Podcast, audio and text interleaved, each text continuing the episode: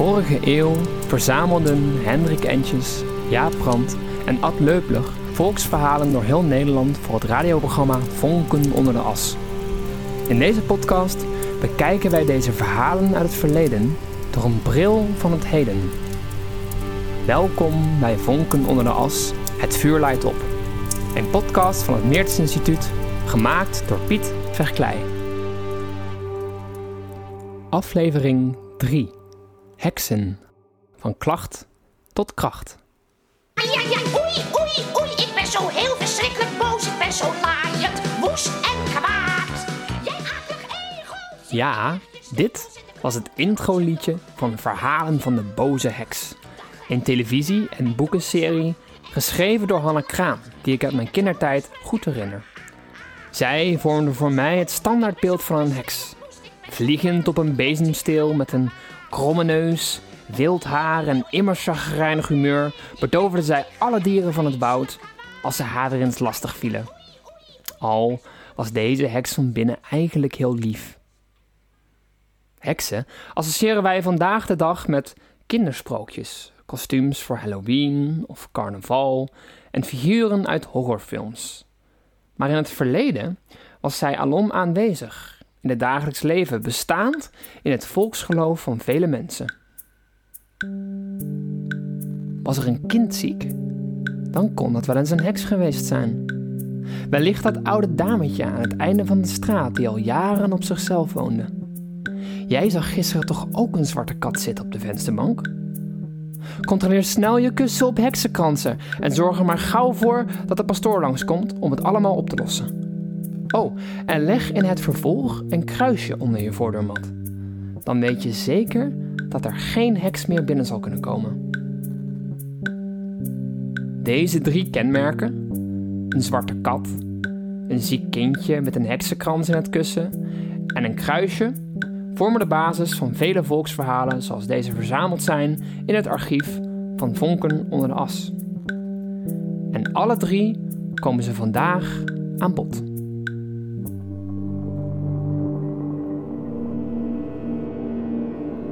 Verhaal 1. De heks op het schip. Verzameld en verteld door Johan de Vries in Terneuzen in september 1975. Tezelfde tijd kwam er een schipper uit Osnis, een zandvletter, menige nacht in dat kleine overke van Walzoorden liggen. Ik zijn de man zijn naam vergeten, maar moeder had de schipper goed gekend. En de schipper had een bijzonder ongelukkig leven. Hij had, zo met zijn vrouw getrouwd, die een kwaaie hand had. Voor de vierde maal al had de schippers van knecht moeten verwisselen. En als men er een aan boord nam, dan duurde het maar korte tijd of die jongen begon te kwijnen. En men kon niet met zekerheid zeggen wat het scheelde, maar het was dat hij van boord ging. En een van hen is ervan gestorven. Dat begrijpt u wel, dat zoiets op de dorp gauw rugbaar is. En om aan een nieuwe knecht te komen, dat was voor de schipper niet gemakkelijk. Ten slotte gelukte het hem een stuk overschot bereid te vinden. En die wist net zo goed als iedereen dat er aan boord met de schippersvrouw soms wat vreemdschande was. De klecht sliep in het vooronderke, de schipper en zijn vrouw in het achteronder. En op een nacht ziet de knecht dat kleine luik zachtjes wordt opgelicht. Hij hoorde zacht miauwen en dan verschijnt iets dat op een lange klauw gelijkt en enorm grijpt. De knecht, de erop bedacht dat er wat kon gebeuren, had onder zijn pillow een klein beltje liggen en hij had de, de klauw en een rokkemoek. De rauwe smatkreet. En weg is de klauw en dat luik valt dicht.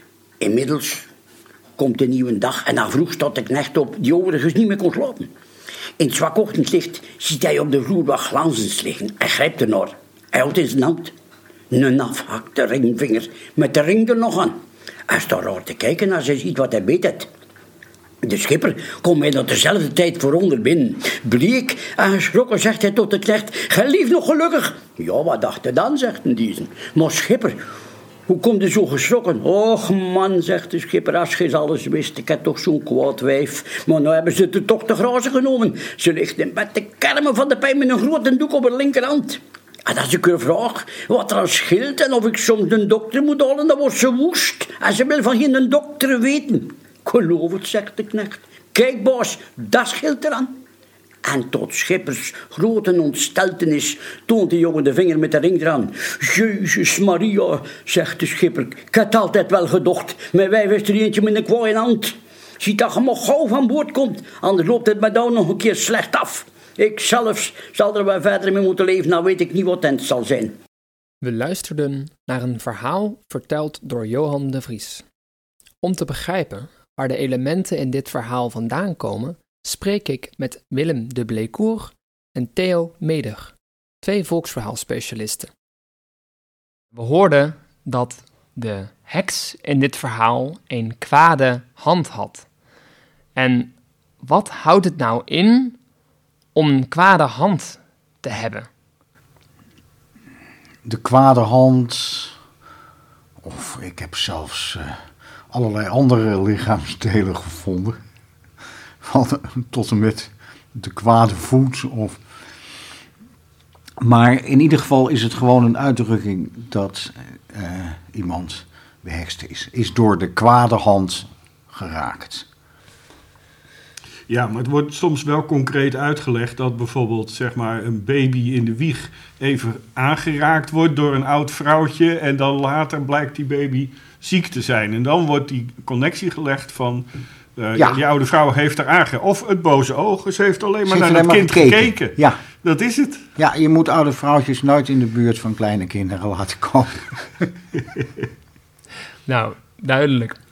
Wat wij bij Voda en bij Voda bedoel ik vonken onder de as afgekort, heel vaak terug horen komen, zijn katten die in heksen veranderen en heksen die in katten veranderen. Wat is nou die verbinding tussen de heks en een kat? En dan specifiek zwarte katten. Ja, ik, ik zou ook weer niet te veel waarde hechten aan de kleur van de kat. Van die katten, de, kunnen allerlei kleuren hebben. Het, het, is maar net waar die kat loopt. Maar zwart is natuurlijk wel de kleur van het kwaad, zeg maar. Hè? De duivel is ook zwart. Of rood. Ja, tegenwoordig rood, maar vroeger was hij zwart. Maar wat is dan de relatie tussen de kat en de heks? Er is een andere naam voor een heks. Voor een vrouw. Ik bedoel, er, is, er zit heel veel taal in het gaat over taal, mensen die praten. Mhm. en, en soms is dat uh, heel direct, maar het heel vaak is het een beetje indirect. En gebruiken ze andere woorden, zoals die hand in dat oog. Maar ik vind uh, ook op een uh, heel letterlijke manier, katten zijn een beetje mysterieus en, en teruggetrokken. Ik heb het idee ook wellicht, dat is mijn hypothese, dat katten s'nachts vaak onderweg zijn. En dat daar misschien ook de connectie gemaakt wordt met heksen. Ons tweede verhaal vandaag gaat over ziekte. Wat deed je als je babytje ziek was? Zou dat wel eens de schuld kunnen zijn van heks? Verhaal 2. Het zieke kindje en de heksenkrans. Mevrouw van de Adel. Locatie onbekend. 6 januari 1975 of 14 oktober 1974. Mijn moeder die had een jonge familie, die waren ook pas getrouwd en hadden ook één kindje. En ze hadden afgesproken dat mijn vader en moeder, die zouden dus met hun zoon daar zondagsmiddags op visite gaan. En dus ze gingen op visite, ze werden hartelijk ontvangen. En uh, mijn moeders baby was erg gezond. En toen zei dat jonge vrouwtje, god wat is die baby van u gezond? De mijne is ziek. Oh ja, zei mijn moeder. Wat markeert er dan? Dan zei ze, ja ik weet het niet, kom maar eens kijken in de wieg. En inderdaad lag dat kindje doodziek in de wieg. Maar mijn moeder, die was gewoon altijd, altijd in gedachten met heksen bezig. Die was praktisch voor iedere oude vrouw bang, want dat kon er een wezen die zei tegen haar vriendin dus: Denk eens goed na. Is er niet een oude vrouw aan je deur geweest? Met een of ander smoesje? Nee, zegt dat vrouwtje. Oh ja, toch, zegt ze. Ja, er is vorige week een oud vrouwtje aan mijn deur geweest. Die bood me wat te koop aan. En ik heb nog wat van haar gekocht. Oh, zegt mijn moeder. Nou, haal dan de pastoor er maar bij. Want die heeft je kind behekst. En dan moet je als de donder bij zijn, zegt ze. Want eh, het is zo, ik hoop voor je, zegt ze, dat het kussentje zullen we openmaken. En als dan, is dan vind je een krans in het kussentje. En als die krans gesloten is, is het kindje onherroepelijk verloren, gaat het dood. Maar al is er maar nog een centimeter open, kan de pastoor met zegeningen en bidden het kindje nog redden. Afijn, ze halen de pastoor de pastoor die komt dus. En het kussentje wordt opengesneden. Maar helaas was het kransje al dicht. En toen zei de pastoor, moedertje, het spijt me, maar hier is geen redding meer voor je kindje. En mooi ging dat kindje diezelfde nacht dood. Eh, Laat Ja. ik even een toelichting geven bij dit verhaal. Volgens het volksgeloof waren heksen in staat om kinderen ziek te maken. Dat was ook hun opdracht, zal ik maar zeggen. hè, Want het zijn kwaaie vrouwen en die moeten kwaaie dingen doen. Kijk, en als ze geen kinderen doodmaakten. Ik heb, ik heb verhalen dat ze dan eh, de bomen rond het huis. Ze moeten iets kapot. Iets moet kapot en als ze dat niet doen, dan komt de duivel langs om de, de nek om te draaien. Dus heksen werden geacht in staat te zijn om kinderen ziek te maken. En als een eh, fysiek teken van dat er hekserij in het spel is bij een ziek kind, bij een zieke baby, zou er dus een heksenkrans in het kussen zitten. Dan moet je het kussen opensnijden en dan kijk je of die heksenkrans al voltooid is. Als hij niet voltooid is, dan betekent dat dat er nog genezing mogelijk is. En als het wel voltooid is, dan zal het kindje dus overlijden. En zo'n heksenkrans, dat ziet eruit gewoon als een ja, gevlochten bal of een gevlochten krans van veren die in dat kussen zitten.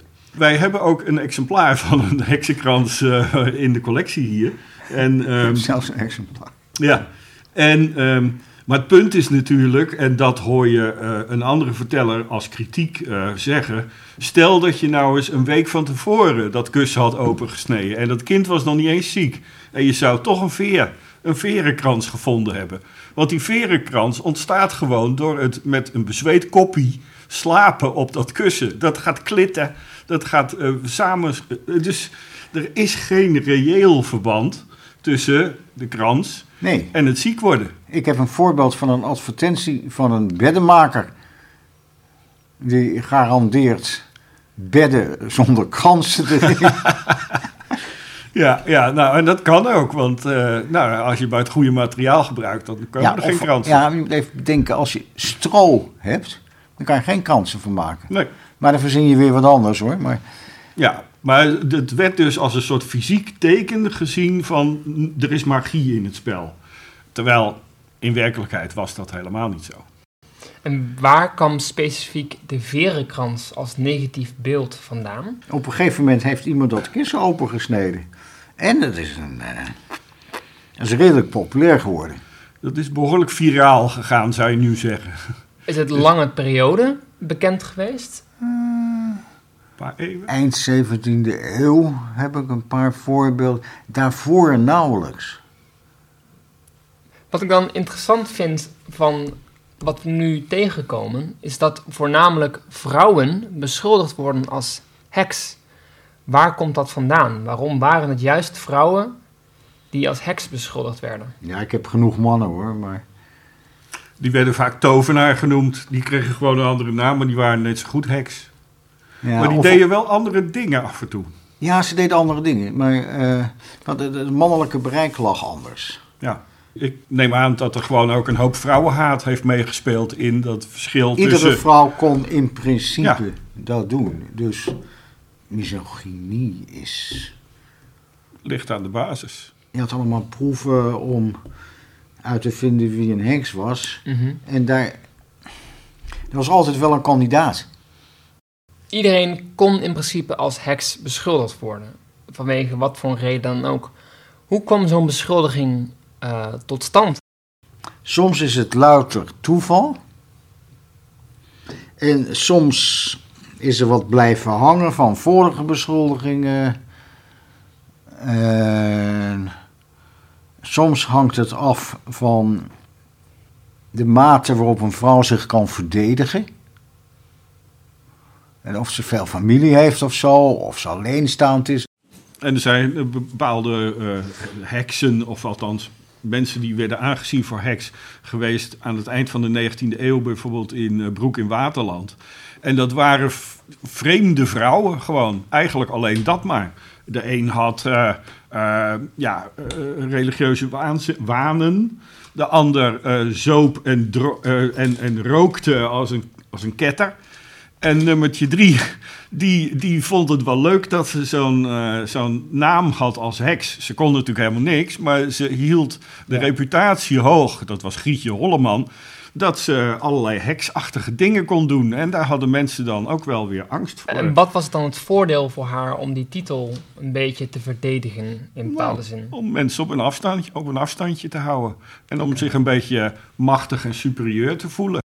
Maar bij Voda zijn er wel kritische brieven binnengekomen waarin gezegd wordt... ja, u laat alleen maar die, die heksenverhalen vertellen... maar je vertelt er niet bij dat het eigenlijk een beetje onzin is. Nee, het is, helemaal, het is doodserieus. Want die vrouwen die worden erop aangekeken. Ja, Dus ik, ik vind dat op zich geen onzin. Inderdaad kreeg de redactie van Vonken onder de as door de jaren heen veel brieven en telefoontjes van mensen door het hele land. Vaak gingen deze over verhalen overgeleverd van de vorige generatie of nog van zichzelf. Naast deze positieve correspondentie was ook sprake van kritiek. Een mooi voorbeeld hiervan is een getypte brief gestuurd door de voorzitter van het Universeel Verbond voor de Goede Vrije Menselijkheid, daterend uit 4 april 1975. Mijn heren, als voorzitter van het Universeel Verbond voor Goede Vrije Menselijkheid voel ik mij gedwongen om bij deze een krachtig protest te laten horen tegen de wijze waarop u uw vonken onder de as presenteert. Waar het daarbij namelijk toch uitsluitend en alleen gaat om gruwel en onzinverhalen uit de middeleeuwse Roomse sfeer, geeft u er door de manier van voordragen het karakter aan van verslagen, welke betrekking hebben op waar gebeurde gebeurtenissen, en waarin Roomse hersenspinsels, zoals heksen, een daadkrachtige en werkelijke rol gespeeld hebben. Kijk, geachte cultuursnuffelaars, een beetje christelijke gekheid op zijn tijd kan ik best waarderen. Maar Jan Klaassen van heksen en lugubere wondergenezers, glimlachende, huilende, tranenplengende en zichzelf verplaatsende beelden gaat mij te ver. Tot zover dan dit schrijven. Ik neem aan dat ik duidelijk genoeg geweest ben. Hoop en verwacht dan ook dat u er de nodige consequenties uit trekken zult. Gewoon opdoeken, dat programma, of er een deskundige bij halen. Geen theoloog natuurlijk, maar een ongodistische psycholoog bijvoorbeeld. En er een voorlichtingsrubriek over geloof en bijgeloof van maken. Die zou erg goed kunnen worden en kunnen heten Vonken van onder de brandstapel of kreten vanaf de pijnbank. Met belangstelling kijk ik uit naar welke richting u in zult gaan. Stevige kritiek. Daarom proberen wij ook bij het vuur leidt op om verder te kijken dan de verhalen alleen. Wat zit erachter? En wat zit er omheen? Ja, Brand zei zelf dit over de kritiek. Hoe ging u om met kritiek? Ik denk dat ik dit gewoon terzijde heb geschoven. Ja. Want uitgangspunt was helder. Mhm. Geen kritiek. Nee, inderdaad. Ik geef geen kritiek op hun verhalen. Ik kijk wel uit, zeg. Dan is het afgelopen met het programma. Oké. Waarom denkt u? Omdat dan mensen niet meer eerlijk naar mij zullen praten. Want ze denken, ja, dat gelooft toch niemand. Ja, ik wel. Ja. Voor het derde en laatste verhaal gaan wij de religieuze kant op. Verhaal 3. Het kruisje onder de deurmat en de zieke paarden. Verzameld en verteld door Ben Jansen in Eindhoven in december 1976. Dan heb ik hier nog een verhaaltje uit Valkenswaard dat ik nog graag zou willen vertellen als het mag. En Ja, graag. ook over een vrouwtje dat niet over de drempel kon. En dat moet zich afgespeeld hebben in Valkenswaard, waar vroeger een rijke boer woonde die veel vee had. Tot er een jaar kwam dat het hem niet meezat en een aantal koeien en paarden stierven aan een onbekende ziekte. De boer zat er behoorlijk over in en besloot naar de paters van de Achelse kluis te gaan. De boer werd in Achel toegelaten en hij vertelde aan de paters over zijn tegenslag. De paters luisterden aandachtig en vroegen toen: Komt er wel eens een oud vrouwtje aan de deur om wat brood te vragen? Ja, dat is zo, zei de boer. En wat doet ze dan met dat brood? Wel, zei de boer, dat neemt ze mee en soms geeft ze er wat van aan het vee. Toen wisten de paters genoeg en ze zeiden: Maak een kruisje van vlierhout en leg dat onder de mat, die voor de deur ligt. Als het vrouwtje dan weer om brood komt, zeg dan: Neem het zelf maar als je kunt. En dan zien we wel verder wat er gebeurt. De boer ging terug naar huis en wachtte daar op de dingen die komen zouden. Reeds na een uur klopte het oude vrouwtje aan de deur en vroeg om wat brood te lenen. Neem het maar als je kunt, zei de boer. Maar zie, het vrouwke kon met geen mogelijkheid het brood pakken, eenvoudig omdat ze niet door de deur naar binnen kon. Ik zal je nog wel eens krijgen, dreigde het vrouwtje. Maar dat is nooit gebeurd, want het vrouwtje heeft zich nooit meer laten zien en ook het vee bleef vanaf die dag van ziekte gespaard.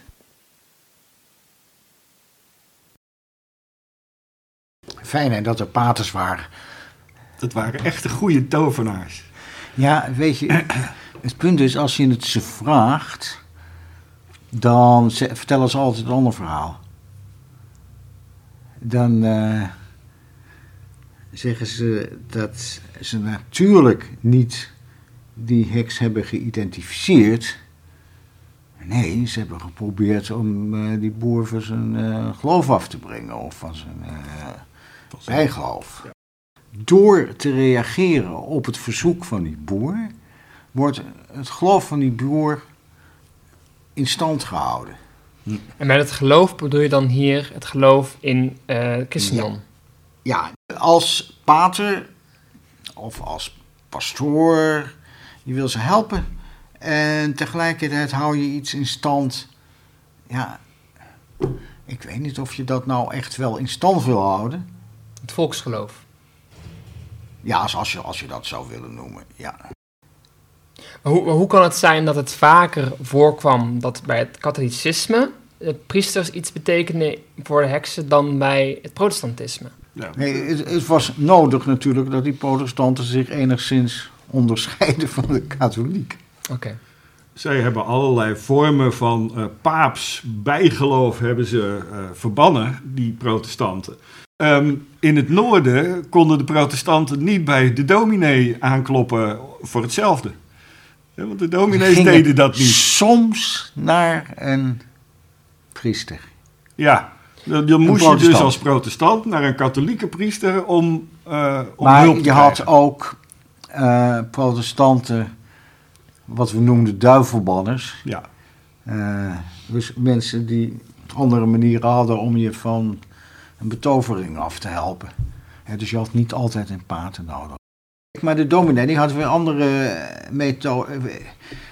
Die zei ook, tenminste als het een flink orthodoxe dominee was, kijk maar in de Bijbel, er zijn eh, heksen bestaan.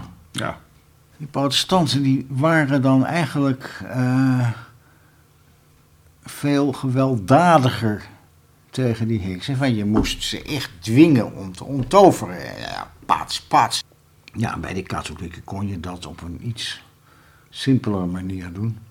Maar er was bijvoorbeeld ook wel een manier om heksen te weren dat ze niet over de drempel konden, door bijvoorbeeld duivelsdrek onder de drempel te begraven. Maar dat is dan weer in het protestantse noorden. dat is eh. Friesland, Groningen, Drenthe. Ja. Maar eh, Nee, maar ze kon ook behoorlijk duur zijn. Dus het is goedkoper om een, eh, Om een kruisje, heiligdom te halen. een kruisje eh, neer te leggen bij de drempel. Ja, Maar en dat er, is... zijn, er zijn allerlei alternatieven voor kruisjes ook. Een, zo, een stukje gewijd was of zo. Of, eh, Het verschilt per verhaal wat er opgehangen wordt. Merkte ik. het verschilt in de praktijk. Ja.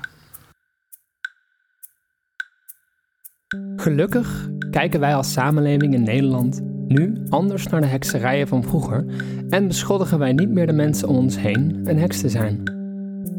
Dit betekent helaas niet dat dit in de gehele wereld uitgebannen is. Zondebokken aanwijzen als er iets slechts voorgevallen is, blijft een hardnekkige karaktereigenschap van de mens. Maar in Nederland en in vele andere landen zijn heksen nu juist cool. Wellicht geholpen door de bekende Harry Potter boekenreeks van J.K. Rowling. Theo Meder geeft hier een mooi voorbeeld van. Weet je dat ehm, de heksenwagen in eh eh, Oude Water... Ja. Daar kreeg je al, je werd gewo- gewogen en dan Ja. werd altijd vastgesteld dat je geen heks was, want je woog niet eh, maar als een veertje, maar altijd als een gewoon normaal mens. Ja. En dan krijg je een, een certificaat met Ja. een stempel erop.